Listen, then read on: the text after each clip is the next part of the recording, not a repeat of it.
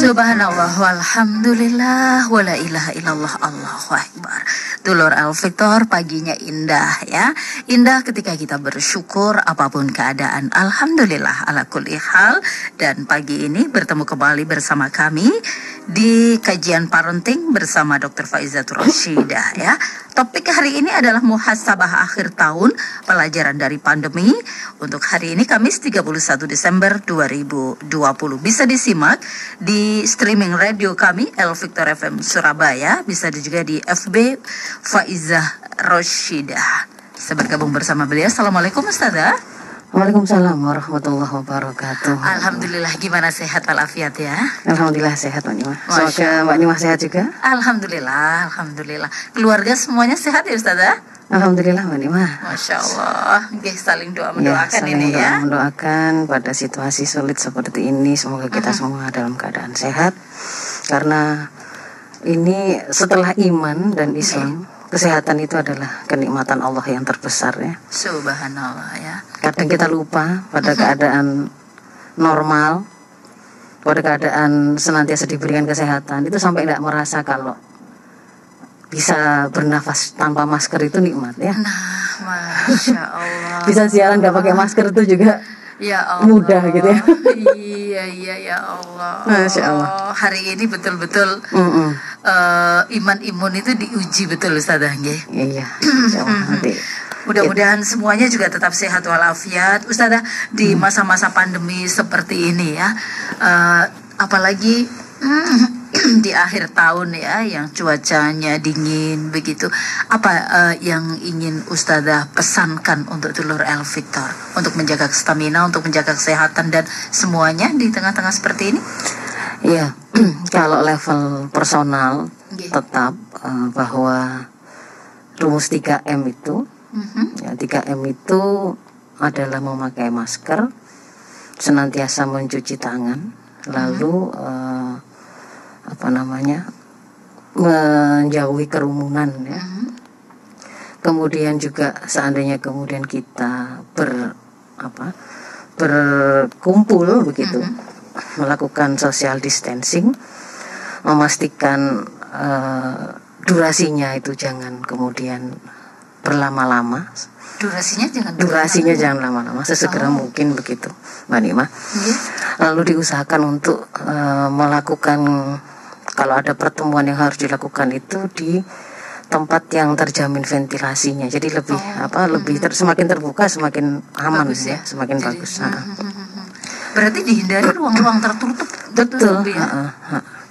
betul Oh, hindari ruang-ruang tertutup hindari berlama-lama dalam satu ruang tertutup dengan banyak orang nah itu Ah, oke. ya Eh, virus itu suka dengan yang tertutup-tertutup begitu?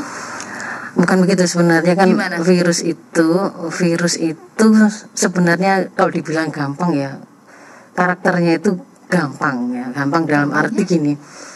Dia itu hanya bisa hidup di dalam makhluk hidup. Oh, kalau dia di luar eh, makhluk hidup dia ndak bisa hidup. Dia menjadi sesuatu yang dibilang makhluk hidup ya nggak hidup gitu ya. Tapi dia begitu masuk ke dalam tubuh manusia. Tubuh manusia. tubuh hewan yang menjadi hostnya tempat tinggalnya begitu. Maka dia kemudian bisa bisa mengambil alih perintah ya, Ya, protein apa namanya eh, gen protein gen yang yang dia miliki itu sampai bisa mengambil alih dan memerintah tubuh kita sebagaimana maunya ya. Tapi kalau dia di luar tubuh makhluk hidup dia itu memiliki kulit eh, atau permukaan yang terdiri dari lemak ya. Mhm. yang itu sangat mudah untuk dilunturkan. Yang bahaya itu kan isinya tadi itu yang, Iya. yang protein tadi itu. Itu dibungkus oleh semacam lemak begitu. Gampangannya begitu mbak Nima ya. Yang lemak itu kalau kemudian ada di luar tubuh kita di permukaan tangan kah di eh, benda-benda di sekitar kita ketika kemudian dia itu dilunturkan dengan sabun sudah luntur dia. Luntur ya? iya Oh, itulah mengapa kenapa kok diperintahkan? Untuk cuci, cuci tangan. tangan. Pakai karena kalau sabun. kemudian seandainya ada apa pun yang nempel virus virus itu ada nempel di di tangan kita kah? Itu di sabun itu sudah. Tapi jangan cuma air air saja tapi harus dengan sabun supaya melunturkan. Jadi harus dengan sabun. dengan sabun ya? Ha, ha. Aha, dengan cuci sabun atau kalau kemudian pakai apa namanya hand sanitizer kan yang berbasis alkohol itu. Kayak gitu. Terus kemudian kenapa kok kemudian memakai masker seandainya kemudian eh, slogannya kan maskerku melindungimu maskermu melindungiku Melindungiku, iya. seandainya kemudian kita itu sehat Mhm. teman eh, bicara kita kurang sehat, Kurang sehat. maka kedua-duanya akan me- apa namanya saling melindungi untuk tidak saling menularkan atau tertulari kan begitu Iya, kan. iya, iya. Kita tidak tahu karena bisa jadi ada orang dengan eh, virus ini dalam tubuhnya tapi tidak ada gejala dan itu mayoritas. ya. Mhm, mhm. Terutama anak-anak itu Iya. ya Iya, nah. kelihatannya bermain sana sini ternyata mereka lah Mhm. yang menjadi sumber penularan yang membuat orang-orang tua neneknya atau orang tuanya itu yang kemudian menjadi sakit jadi yang ketularan orang-orang tua di sekitarnya yang Jadi anak-anak itu membawa ya. yang mereka itu bermain ke sana sini kelihatannya sehat-sehat saja gitu dengan tetangganya ke sana ke sini enggak enggak maskeran enggak apa ya Anak-anak itu kuat ya Ustazah ya. ya uh, qadarullah memang pada di antara karakter virus ini pada yang kemudian kita pelajari memang lebih berat pengaruhnya pada orang dewasa Orang dewasa anak-anak, ya. Mhm. tapi ya ada anak-anak Aha. terutama yang mereka yang eh, rentan ya ya kemudian juga sampai jatuh pada fatal bisa Iya, anak-anak itu biasanya kalau sudah main, masya Allah, seperti itu, kemudian disuruh masker juga agak sulit, begitu ya. ya. Kemudian pulang ke rumah gitu, kalau nggak diingatkan, nggak segera cuci tangan, ya memang orang tua harus betul-betul uh, protek ya dalam hal ini. Ustazah berarti untuk persoalan ini kita nggak bisa apa ya? Kenapa harus masker? Hmm, Kenapa harus uh, gitu kan? Kenapa harus masker gitu? Iya. Dan dan sebenarnya tidak semata-mata masker itu tadi kan saya bilang kalau level personal ya tapi eh, justru kemudian yang akan kalau bahasa hadis yang disampaikan oleh Amr bin As itu kan Mhm. justru eh, rekomendasi dia ketika kemudian me- menangani pandemi di Amwas itu.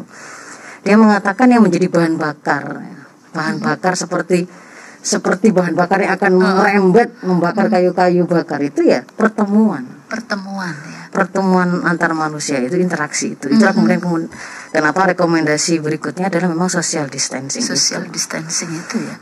Jadi memang harus ada itu ya. Meng- mengurangi pertemuan mengurangi mengurangi pertemuan. pertemuan karena kalau dia hanya ketemu batu dengan batu gitu ya kan nggak ada makhluk hidupnya Mhm. nanti kena kena sabun kena deterjen kena matahari lama-lama dia juga akan mati begitu tapi begitu dia masuk ke dalam makhluk hidup nah itu loh dia bisa bisa mengambil alih perintah yang kemudian dilakukan ditaati oleh tubuh kita itu Jadi memang kalau tidak betul-betul urgent begitu ya, tidak bisa ketemu Ya, ha-ha, Kalau nanti. ketemu pun nggak bisa lama-lama, nggak boleh lama-lama ya. Ya, itu eh, rekomendasi yang masih bisa kita lakukan hari ini. Tapi tidak semata-mata.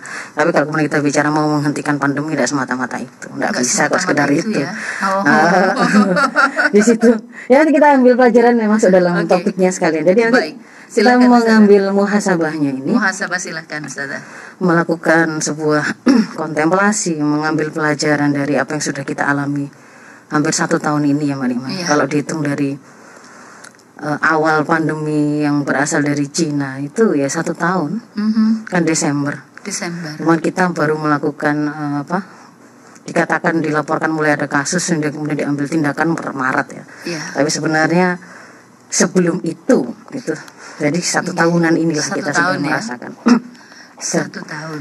dan satu tahunan ini kita mengalami banyak hal dan merasakan banyak hal ya. Hmm. Kalau Iya, di masa Rasul itu disebut beliau pernah mengalami amul huzni ya. Mhm. tahun kesedihan karena paman beliau Ali bin Abi Thalib meninggal, Khadijah meninggal itu. Pada tahun ini sebagaimana layaknya masa pandemi, kita bertemu dengan banyak kematian. Kita mendengar banyak kematian. Oh, masya Allah. Dan itu mungkin kita mendengarnya dari orang-orang yang mulai dari yang jauh sampai kepada orang-orang terdekat yang sangat kita cintai ya, yang kita mungkin mulanya mengira masih lama bersama kebersamaan itu dengan mereka. Dengan orang tua kita, mungkin anak kita, saudara kita, guru-guru kita, murid kita. Hari-hari ini benar-benar ya layaknya pandemi. Kalau apa namanya kita melihat eh, berapa kira-kira yang kemudian mengalami masa-masa kesedihan itu karena kehilangan-kehilangan ya banyak ya sekarang ini ya. para kita mengambil kesempatan pertama ini untuk mendoakan dulu ya Mbak Nima Iya. menyampaikan doa untuk guru-guru kita. Yang sa- saat ini itu paling tidak kita mendengar AA Kim Iya. eh Syekh Ali Jaber ya. Eh, kemudian siapa? Yusuf Eh, Mansur. Yusuf Mansur Syafi'i Antonio ya. Mhm. Mahmudi Sukri ya. Mhm. Ustadz-ustadz umat ya para guru-guru umat ya semoga kemudian Yai Imam yang di kami juga oh di Victor ini juga ya. Eh, sakit. Mhm. Oke.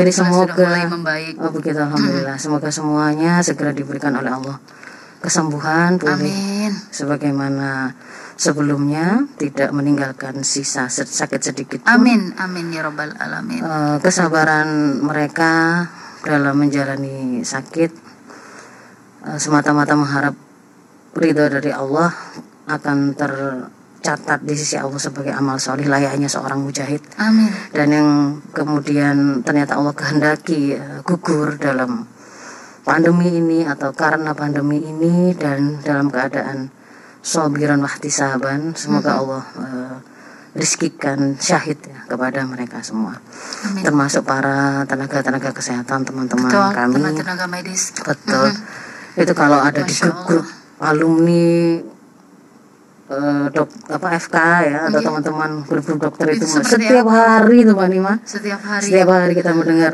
Tumbang. berita Mhm. berita positif berita kematian berita mulai masuk ICU mulai intubasi untuk pasang ventilator Mhm. atau kesulitan untuk mencari rujukan ya dari Mhm. misalnya dari puskesmas ke rumah sakit yang dari Surabaya dapatnya akhirnya di Malang macam-macam gitu ya karena memang saat ini sedang dalam keadaan eh, semakin tinggi ya. Apalagi mutasi yang terbaru juga eh, daya penularannya lebih besar lebih lebih apa namanya lebih banyak lebih mudah menular. Lebih mudah. meskipun tidak tidak dipastikan lebih berat eh, apa namanya gejalanya tetapi dia lebih mudah menular. Makanya harus benar-benar kontribusi apa yang bisa kita lakukan itu harus benar-benar dilakukan. Tidak bisa pengabaian eh, tanggung jawab yang dilakukan oleh pihak lain misalkan masyarakat atau orang lain atau pemerintah misalkan itu yang tidak melaksanakan kewajibannya dengan sempurna dengan sebaik-baiknya itu kemudian kita jadikan alasan saya juga ngapain? Mhm. gitu. Di- kemudian pakai masker kenapa juga harus kemudian nggak pergi ke sana ke kemari padahal ini akhir tahun misalkan. Nggak bisa nanti perhitungannya di sisi Allah ya tetap kita masing-masing itu ada begitu sementara kalau itu merupakan eh, ada kewajiban yang harusnya disempurnakan oleh penguasa umat Islam ini penguasa umat ini atau yang harus disempurnakan kaum muslimin sebagai kelompok atau masyarakat maka di situ ada mekanisme amar ma'ruf nahi munkar yang juga harus kita sempurnakan Mhm. Ya, jadi eh, itu pendahuluannya untuk eh, kita berdoa pada siapa saja saudara-saudara Oke, kita yang saudara-saudara kita yang lain sedang diuji dengan pandemi ini ataupun Mhm. ataupun kemudian diuji dengan kondisi sulit karena situasi ini. Semoga Allah mudahkan, semoga Allah Amin. eh, kuatkan ya. Amin. Allah kuatkan, berikan jalan keluar terbaik Mhm. dan kesabaran mereka eh, tercatat sebagai sebuah amal soleh di sisi Allah. Amin ya robbal alamin. Ustazah ada satu hal ya. Eh, ini jamaah-jamaah El Victor ini kan banyak yang telepon kemudian mohon doanya Mbak Nikma, Mas Helmi kami terpapar satu keluarga tapi kemudian bercerita Masya Allah ketika kita pulang dari rumah sakit itu tidak ada tetangga yang mau lewat begitu ya. Hmm, Nah, itu Seolah- juga perlu itu, diedukasikan juga ya. itu gimana Ustazah? Itu memang berlebihan apa memang harus begitu ya? Eh, itu stigmatisasi yang tidak perlu, stigmatisasi Oh. yang salah. Ya. Itu kan justru eh, ketika kemudian kita mendapati ada seseorang yang terinfeksi COVID ini, Iya. gitu ya, maka yang harus dilak yang dila- harus dipastikan orang yang sakit itu kan dia harus mengisolasi dirinya. Kan? Iya. Maka berarti dia memang justru tidak boleh berinteraksi dengan masyarakat luas, apalagi ma- masyarakat yang sehat Mhm. sehingga dia memang harus dibantu untuk memenuhi kebutuhan-kebutuhannya se- seandainya diperlukan dia itu harus melakukan interaksi-interaksi misalkan mencari makanan, mendapat memenuhi kebutuhan-kebutuhan sehari-harinya begitu. Padahal dia tidak boleh kan jalan-jalan ke pasar kan akan membahayakan membahayakan masyarakat. Maka pada kondisi seperti itu seharusnya justru kita kemudian sebagai anggota masyarakat itu memastikan membantu Mhm. saudara-saudara kita yang sedang menjalani isolasi ini tadi kalau di rumah sakit kan jelas ya mereka memang justru ada di tempat yang sudah diamankan sudah dengan protokol yang sudah mengetahui bagaimana cara memisahkan mereka bentuk-bentuk interaksi yang dibolehkan sehingga mengamankan penularan itu kepada orang yang sehat. Tetapi kalau di rumah kalau di rumah ya berarti mereka ya ada di rumah memang harus tahu diri. Saya tidak boleh ke mana-mana. Saya tidak boleh pura-pura. Kalau saya pakai masker nanti dikira saya itu positif. Maka sengaja saya tidak pakai masker. Itu tambah membahayakan. Padahal Rasul mengatakan la dharara wa la dirara tidak boleh membahayakan diri sendiri menimpakan bahaya pada diri sendiri maupun pada orang lain. Itu hukumnya haram gitu loh. Justru nggak boleh. Nah kenapa kok sampai ada orang yang sampai berlaku seperti itu? Karena ada stigmatisasi. Kalau kemudian nanti ketahuan saya itu covid ternyata malah disuruh keluar dari kampung itu.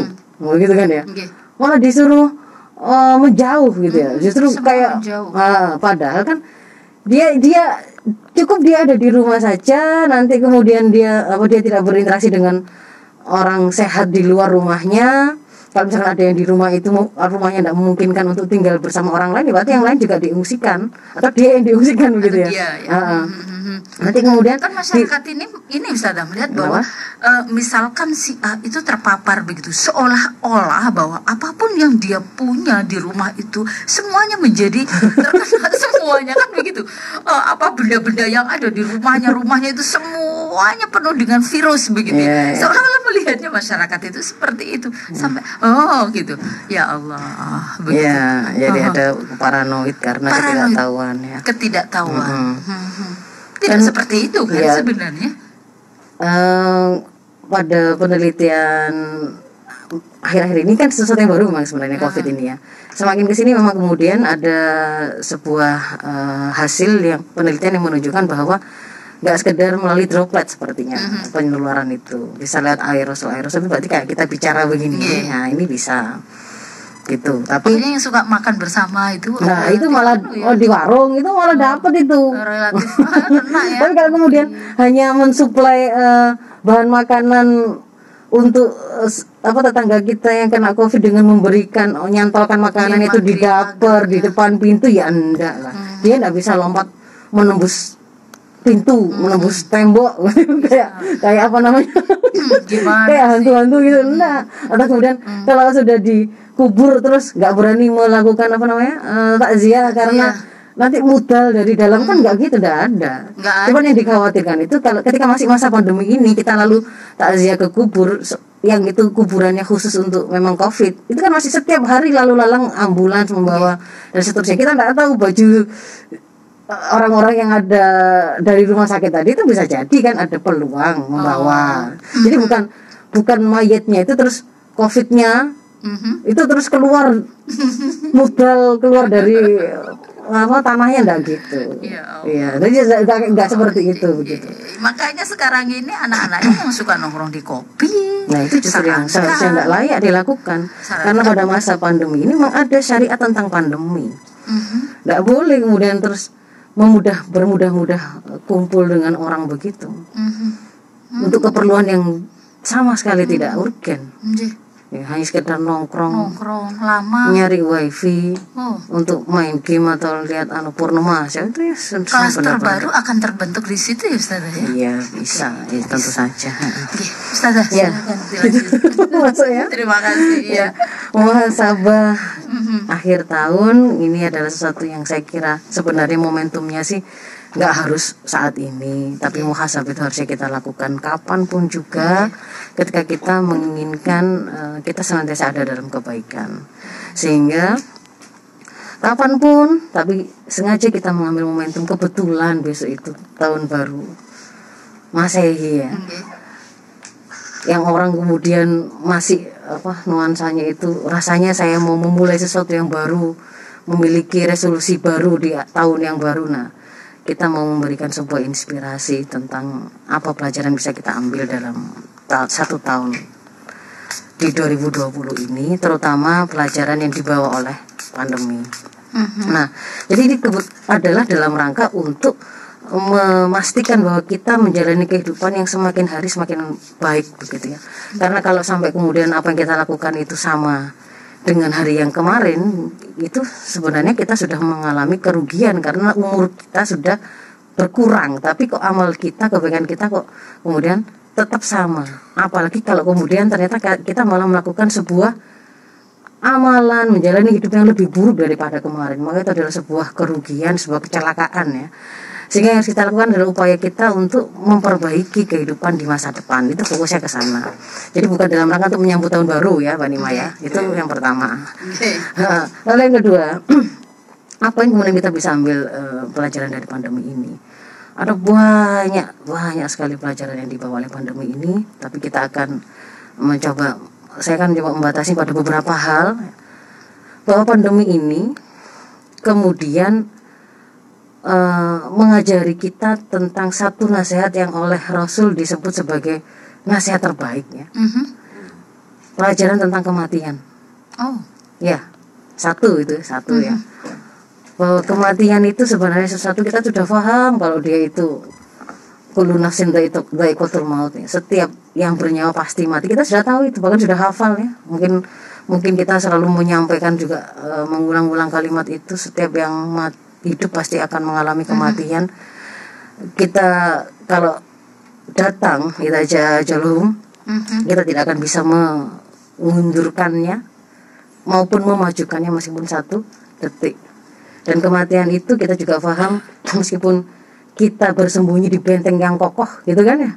Kalau hadis itu tetap saja dia akan datang.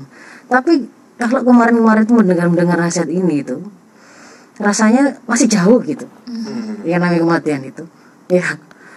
Tapi kemudian pandemi ini menghadirkan nasihat terbaik itu tadi bahwa cukup kematian itu sebagai nasihat itu benar-benar hadir dekat dengan kita. Kita menyaksikan orang yang muda. Kemarin sama sekali tidak ada sakit. Tiba-tiba kemudian kita mendengar hari ini masuk rumah sakit. Besoknya sudah meninggal atau orang-orang yang punya sakit tahunan lama begitu ya kronik akhirnya mereka menjadi orang yang rentan. Diabetes jantung itu ya sesuatu yang sudah sudah apa namanya banyak di tengah masyarakat. Tapi keberadaan pandemi ini membuat mereka ini just- akhirnya banyak yang kemudian berguguran karena ya karena faktor pandeminya. Jadi bukan itu kan meninggalnya karena sakit ininya. Jadi corona itu tidak ada bukan. Kalau misalnya tidak ada pandemi ini tidak ada corona ini apa kemudian kita menyaksikan orang diabetes itu mati masal begini ibaratnya ya barengan gitu kan enggak ya karena ketemu dengan pandemi ini gitu loh jadi pelajaran pertama adalah tentang kematian yang sangat dekat sehingga kita seharusnya kemudian eh, benar-benar mempersiapkan kehidupan setelah kematian itu. Masya Allah. Berarti kematian ini memang sangat dekat pada saat pandemi ini Oh, iya. sebenarnya. Sebenarnya kan dia sama saja gitu loh. Cuman pandemi ini memberi kita sebuah pelajaran kayak mendekatkan pandangan itu ke kita bahwa mati sedekat itu loh kematian itu. Seandainya kemudian kemudian kita terkonfirmasi oh ternyata positif begitu ya. Manusia itu punya sebuah kecenderungan dia melakukan lebih mudah melakukan amalia fikri itu ketika menghadapi goncangan. Hmm. Ketika selama ini dia itu sehat-sehat saja, dia tidak mengalami goncangan apa pun, dia menjalani hidup tidak pernah bertanya tenang apa yang kemudian harus saya lakukan untuk mengisi hidup saya. Tidak pernah bertanya begitu dia. Tapi begitu kemudian dia misalkan kalau pada masa pandemi ini, oh ternyata terkonfirmasi positif COVID. Meskipun mayoritasnya 80 persennya itu tanpa gejala, kemudian 20 persen, eh, 15 persennya itu mungkin gejala ringan sampai sedang dan mungkin yang 5 persen itu yang berat. Tapi kita tidak tahu ketika COVID itu sampai ke kita, kita itu termasuk yang mana Mhm. kita masuk yang nggak bergejala, kita masuk ke yang akhirnya akan kena dengan gejala ringan, sedang atau sampai berat. Itu kita nggak tahu, kecuali setelah mengalami gitu loh. Hmm. Jadi itulah mengapa kebuat kepentingannya menjaga diri dan orang lain itu karena kita nggak tahu seta- kecuali setelah mengalami, nggak bisa diprediksi. Kan saya muda, saya nggak punya eh, apa namanya penyakit penyerta, pasti saya OTG nggak bisa. Nggak gitu bisa, ya. bisa begitu jadi eh ini tuh semakin membuat eh, apa namanya kita itu menjadi dekat dan ketika kemudian seandainya kemudian terkena itu kan langsung mikir kalau memang seandainya kemudian ini adalah kesempatan terakhir seandainya ini ternyata kemudian adalah eh, ternyata mengantarkan saya kepada yang berat yang berat itu biasanya cepat mbak Nima? Enggak enggak sampai berminggu-minggu sampai berbulan-bulan gitu enggak perburukannya itu sangat cepat gitu ya. Hari ini positif kemudian sesak lalu masuk ICU lalu ventilator. Jarang yang selamat setelah pakai ventilator jarang kemudian balik. Meskipun ada ya.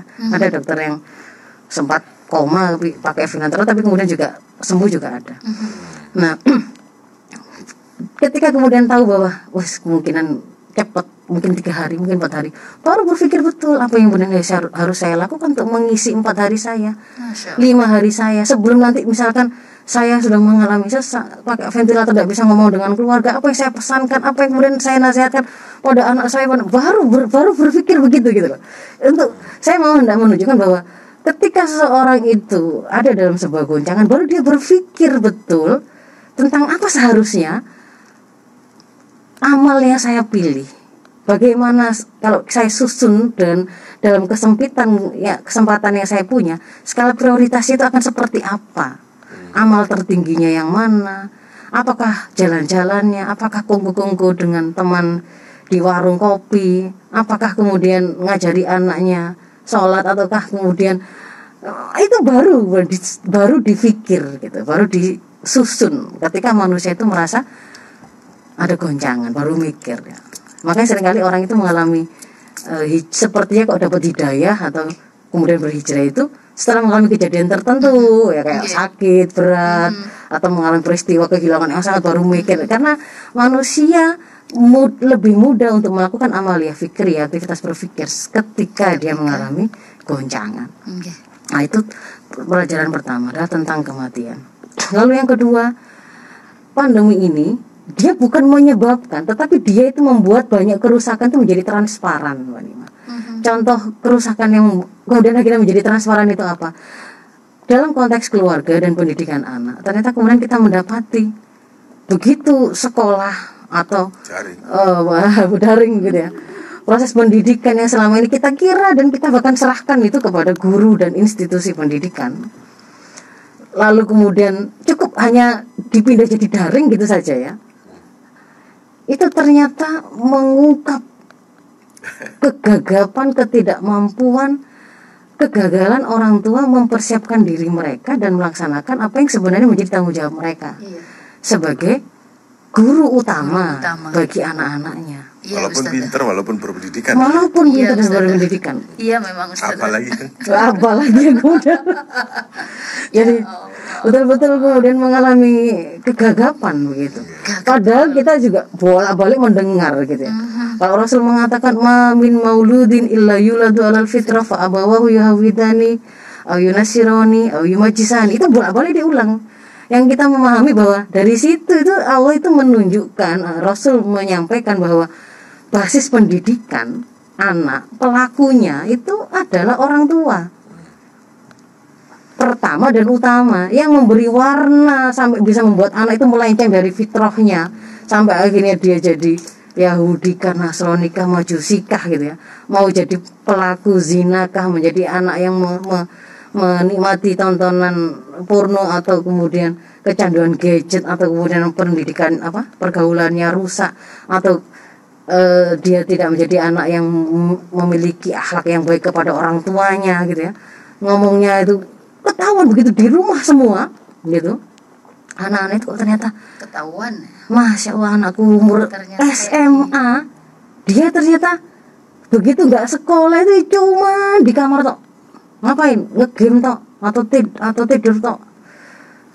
Sholat juga harus disuruh ngomong dengan orang tua masih mentah-mentah itu baru kayak baru baru orang tua baru nyadari apakah sebenarnya kerusa- kerusakan tidak terjadi sebelum pandemi. Terjadi. Tapi itu membuatnya menjadi tampak. transparan kan jadi kelihatan. Lebih sekarang lebih Ah, ah. tampak di depan begitu mata kemudian ya. dari termasuk relasi antara kehidupan suami dan istri. Ya kan? Yang mulanya ngantor seharian nggak ketemu tak tahu. Begitu kemudian wah, di rumah wah, Bu Dino ada di situ bapaknya sibuk saja mentelangi gadgetnya. Oh. ibu-ibu merasa wis ban- apa puter tangan kaki kepala munyer gak kegeran.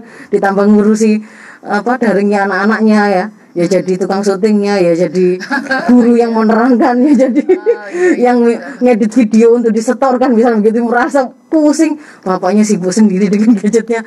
Sudah begitu karena be- benturan apa namanya eh, pandemi ini membuat eh, ujian ekonomi itu menjadi beban yang berlapis-lapis kemudian mu- membuat transparan eh, rapuhnya bangunan keluarga kita. Ternyata itu juga menunjukkan selama ini ada sebuah kekeliruan yang kita lakukan tapi kita biarkan. Kita tidak men, kalau kita menginginkan generasi itu kuat kita lahirkan maka kan harus berasal dari rumah-rumah yang kuat kokoh bangunannya di situ itu mengharuskan ada porsi dan peran para ibu para bapak sesuai dengan fitrahnya masing-masing.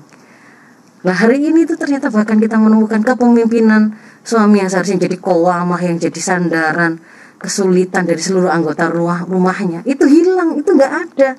Sampai para ibu ada yang membunuh anaknya ada yang bunuh diri.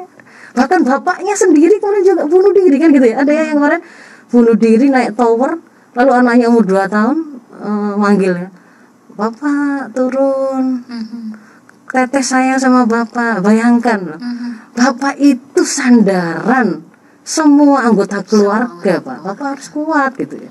Tapi kemudian kita melihat pandemi ini membukakan ternyata kita lupa membangun profil pribadi para kowam, para pemimpin-pemimpin keluarga ini yang kuat, yang beriman, yang bertakwa, yang bisa melaksanakan kowamahnya itu kepemimpinannya, yang dia itu bisa dijadikan sandaran dan diandalkan oleh istrinya, anak-anaknya.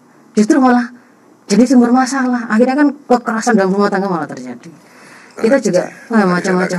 Betul, Men- meningkat meningkat ya. perceraian meningkat pada masa pandemi ini. Sudahlah kemudian. Jadi begitu begitu pandemi ini ada, kelihatan sekali kalau yang namanya kapal-kapal itu tuh kelihatan bolong-bolongnya gitu.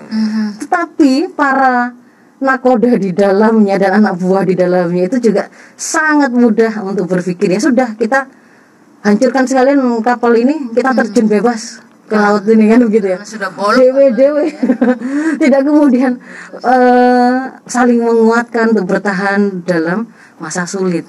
Itu itu sebenarnya kalau bahasa yang sebelum kita bahas itu adalah karena kita tidak membangun rumah tangga kita atas dasar iman.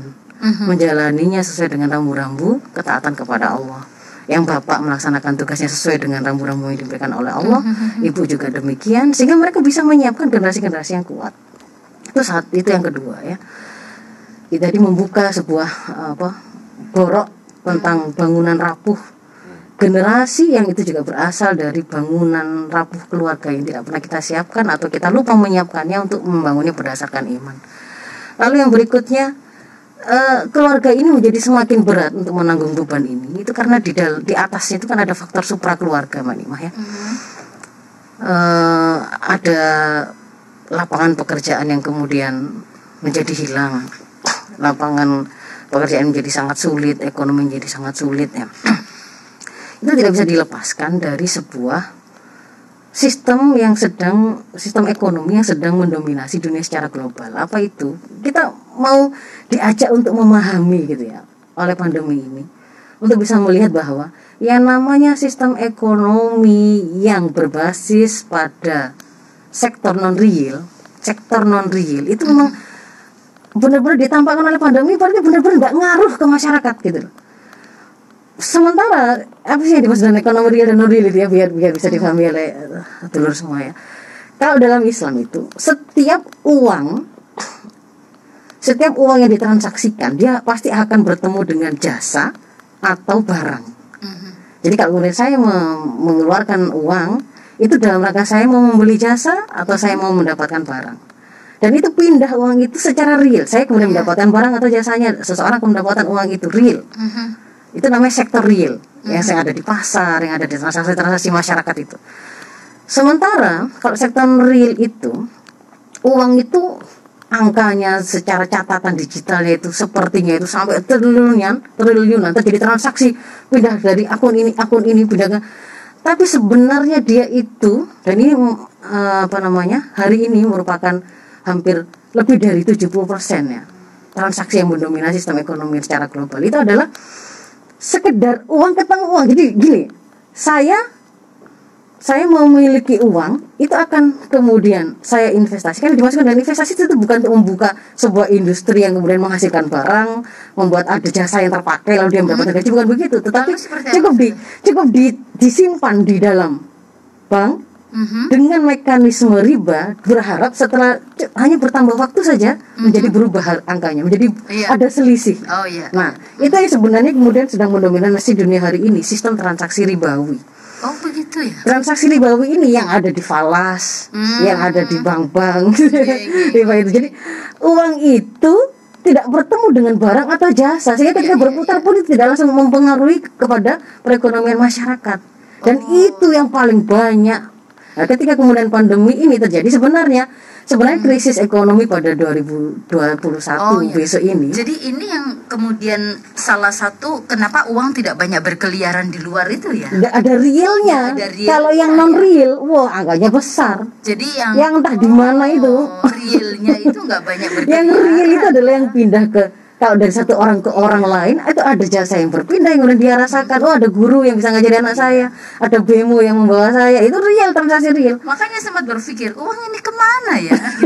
Nah, eh, 80 persen Iya, itu ada pada sektor non real. Nah, sektor non real itu kok sampai banyak seperti itu kok tidak seperti apa yang disa- disampaikan oleh Islam itulah sistem ekonomi ribawi itu yang mau desa- pelajarannya dari pandemi ini kok bisa saya katakan pelajaran dari pandemi gimana sebenarnya sistem ekonomi kapitalisme yang ribawi itu itu senantiasa mengalami yang namanya krisis. Karena non real tadi satu saat kan nanti angka itu sampai menggelembung besar pada waktu dia meminta untuk dicairkan real menjadi real di situlah kemudian ternyata kok tidak ada meletus krisis. Nah biasanya krisis-krisis ini tuh kemudian bisa ter terriset atau ter apa namanya terkendali ketika kemudian digerakkan sektor realnya. Sektor realnya misalkan kalau zaman sebelum perang dunia dua itu justru krisis itu selamat gara-gara ada perang lalu industri eh, senjata itu digerakkan akhirnya ada uang yang bergerak sektor realnya berjalan. Pandemi ini membuat sektor real yang disandarkan untuk memperbaiki krisis ekonomi yang disebabkan oleh sistem ekonomi ribawi tidak bisa dilakukan. Kenapa? Karena pandemi ini memukul faktor produksinya. Manusianya itu nggak boleh ngumpul. Manusianya itu justru justru nggak nggak bisa kemudian itu dipaksa untuk melakukan industri yang real itu yang sungguhan menjadi orang yang bekerja. Akhirnya itu menjadi sesuatu yang sulit. Dan dari sini kita bisa melihat berarti kan benar-benar terasa gitu loh ya pandemi ini mem- membukakan mata kita bahwa ekonomi non real itu tuh enggak ngefek ke masyarakat gitu sehingga jangan kemudian kita malah menikmati dan berlama-lama ada dalam sebuah sistem ekonomi yang menjadikan ekonomi itu berjalan berbasis pada non real transaksi-transaksi non real yang ribawi itu itu yang berikutnya Jadi sistem kan sebabnya karena pandemi itu sendiri berarti ya. bukan karena pandeminya. Pandemi ini tuh sebenarnya membuat kerusakan kapitalisme itu menjadi transparan. Realitanya ternyata setelah ada pandemi itu banyak yang tidak boleh bekerja di kantor. Ah, pulang, jadi, se- pengurangan kerja, Betul. tidak boleh kumpul dan sebagainya. Saat ini ya itu dibutuhkan si apa namanya sebuah aktivitas industri yang real itu tadi orang disuruh bekerja itu sebenarnya dibutuhkan itu untuk me- untuk menggerakkan roda perekonomian yang sedang mengalami krisis. Yang krisis itu bukan disebabkan karena karena transaksi real itu. Krisis itu karena transaksi non real yang ribawi tadi loh. Ya bayangkan saja kenapa nggak bisa jadi krisis wong. Wong mulanya itu uang itu sejuta. Kok dari mana kemudian dia harus dia bisa menjadi dua juta tanpa ada sebuah pertukaran dengan jasa dan barang yang terjadi di sana gitu loh. Cukup dengan disimpan. Kan gitu kan ya? Eh, ketika ada di falas itu orang yang membeli saham dia tahan sebentar. Oh ada apa namanya ada tren ini harganya naik dia lepas. Padahal sama sekali dia saham tadi itu tidak kemudian memproduksi satu produksi tertentu industri tertentu. Dia cuma gambling saja. Saya borong saham saya tahan sebentar oh naik saya lepaskan. Angkanya tadi sudah sudah ada selisih uang. Nah dari mana uang itu? Gitu loh. Tidak ada yang bergerak kan gitu. Nah baik, itu Ustazah. yang berikutnya. Termasuk kemudian kalau di level personal ini bahkan kemudian kita mengambil sebuah pelajaran pandemi ini membuat kita juga paham bahwa ad- ada beda mungkin baru jelas gitu ya. Beda antara kebutuhan dengan keinginan. Begitu pandemi orang disuruh di rumah artis-artis di rumah. Ternyata mereka bisa hidup tanpa harus menggunakan fashion yang ang- apa namanya harganya sekian kebutuhan akan tampil dengan tas dengan kuku yang bagaimana dengan bulu mata yang bagaimana atau kemudian eh, tampilan mobil atau kendaraan seperti apa dan seterusnya. Begitu kemudian di rumah gitu ya. Tidak dibutuhkan pertemuan-pertemuan itu. Ternyata kita bisa mendapat pelajaran manusia itu hidup. Tanpa barang-barang itu. Yang artinya kita akhirnya bisa melihat bahwa bukan itu sebenarnya kebutuhan. Itu nggak termasuk kebutuhan itu sebenarnya adalah keinginan yang oleh sistem kapitalisme hari ini. Dia kaburkan plus bahkan dia dia apa dia persuasi atau dia bentuk persepsi masyarakat untuk menjadikannya sebagai sebuah kebutuhan. Jadi sebenarnya nggak kebutuhan tapi dijadikan kebutuhan. Kayak misalkan apa namanya eh, apa tanaman janda bolong ya sebenarnya apakah benar harganya itu sampai kemudian 300-500 juta? Itu adalah sebuah pembentukan persepsi akan kebutuhan pada dia sebagai bukan kebutuhan gitu. Tapi kalau kemudian oksigen ventilator itu ternyata kebutuhan. Kebutuhan. Itu kebutuhan makan itu kebutuhan gitu loh. Tapi kalau kemudian eh, gaya hidup tertentu itu sebenarnya kita tahu oh, itu sebenarnya adalah keinginan yang kemudian oleh sistem kapitalisme hari ini yang matre itu memang dia buat dia tanamkan dalam persepsi kita bahkan kita akhirnya menjadi terbiasa untuk menjadikan keinginan itu menjadi kebutuhan Seharusnya berarti bisa mengambil sebuah pelajaran Nah, iya, ketika ada sekarang ini beda. mana Hmm. sih kebutuhan? Oh ternyata Betul, ini bukan betul. kebutuhan yang selama ini kita anggap kebutuhan. Nah, ya. ilmu pengetahuan itu justru kebutuhan. Ternyata para tenaga kesehatan itu tuh kebutuhan, maka harusnya fokus betul memang kemudian mau produk sistem kesehatan, pendidikan kesehatan yang kemudian bisa menghasilkan masa kan harusnya fokus di situ. Mhm. Rekreasi yang kemudian selama ini seperti itu kebutuhan untuk kemudian di apa di syuting dilakukan traveler eh, storyteller gitu ya yang dibikin vlognya sampai membuat orang itu merasa butuh nabung untuk untuk mencoba spot-spot itu ternyata hari ini begitu pandemi ah, nggak kebutuhan itu Ustazah break dulu sebentar Oh, ya. ya. Oke nanti lanjut kembali. Oh Masih- ada waktu tinggal Mm-mm. kepotong. Ya 10 menit kita Iya. ke pesan-pesan dulu.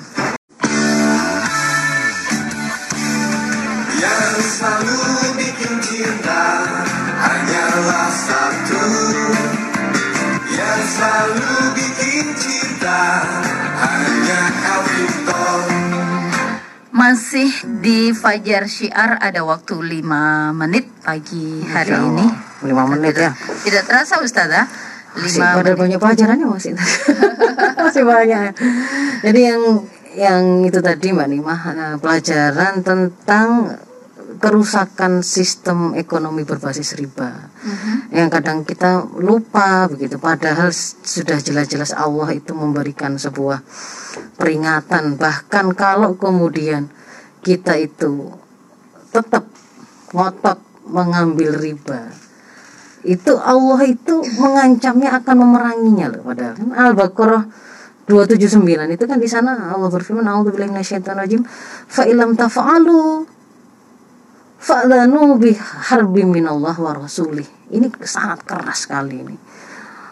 Jadi kalau kamu itu tetap melakukan itu maksudnya tetap nggak mau meninggalkan sistem ekonomi ribawi itu yang kemudian pada pak- pada prakteknya kalau hari ini itu adalah justru apa namanya eh, menyengsarakan karena dia berbasis sektor non real yang 80% uang itu diputar untuk non real gitu loh. Nggak ter- nggak menga- nggak ngefek kepada kesejahteraan masyarakat. Maka ketahuilah bahwa Allah dan Rasul itu akan memerangimu loh. Ini kan mengumumkan perang sebenarnya kepada diri kita itu mengumumkan mau diperangi oleh Allah dan Rasulnya. Masa ya? Kok nggak sadar gitu ya? Kalau hadis itu mengatakan bahwa dosa paling ringan pun itu seperti menzinai ibunya jadi harusnya itu memang kemudian kaum muslimin itu pandemi ini jelas-jelas menampakkan bahwa ternyata non real sektor non real itu nggak ngefek sama sekali justru makanya kemudian yang dikejar-kejar itu adalah transaksi yang sifatnya real-real itu di tengah masyarakat itu yang berpengaruh pada kesejahteraan gitu nah jadi ini semoga menjadi sebuah pelajaran tentang Amin. ke- ke- apa keharusan kita meninggalkan sistem ekonomi ribawi yang berikutnya Amin. Yang berikutnya. eh, terkait dengan sistem kesehatannya mbak Nima Mhm. Apa yang kemudian terjadi pada hari ini itu juga membukakan mata pada kita bahwa ketika kita dipimpin oleh sebuah eh, ideologi yang menjadikan kesehatan itu bukan sebagai hajah asasi masyarakat kebutuhan mendasar masyarakat tetapi dijadikan sebagai komoditas perdagangan. Kok bisa mengatakan begitu? Iya.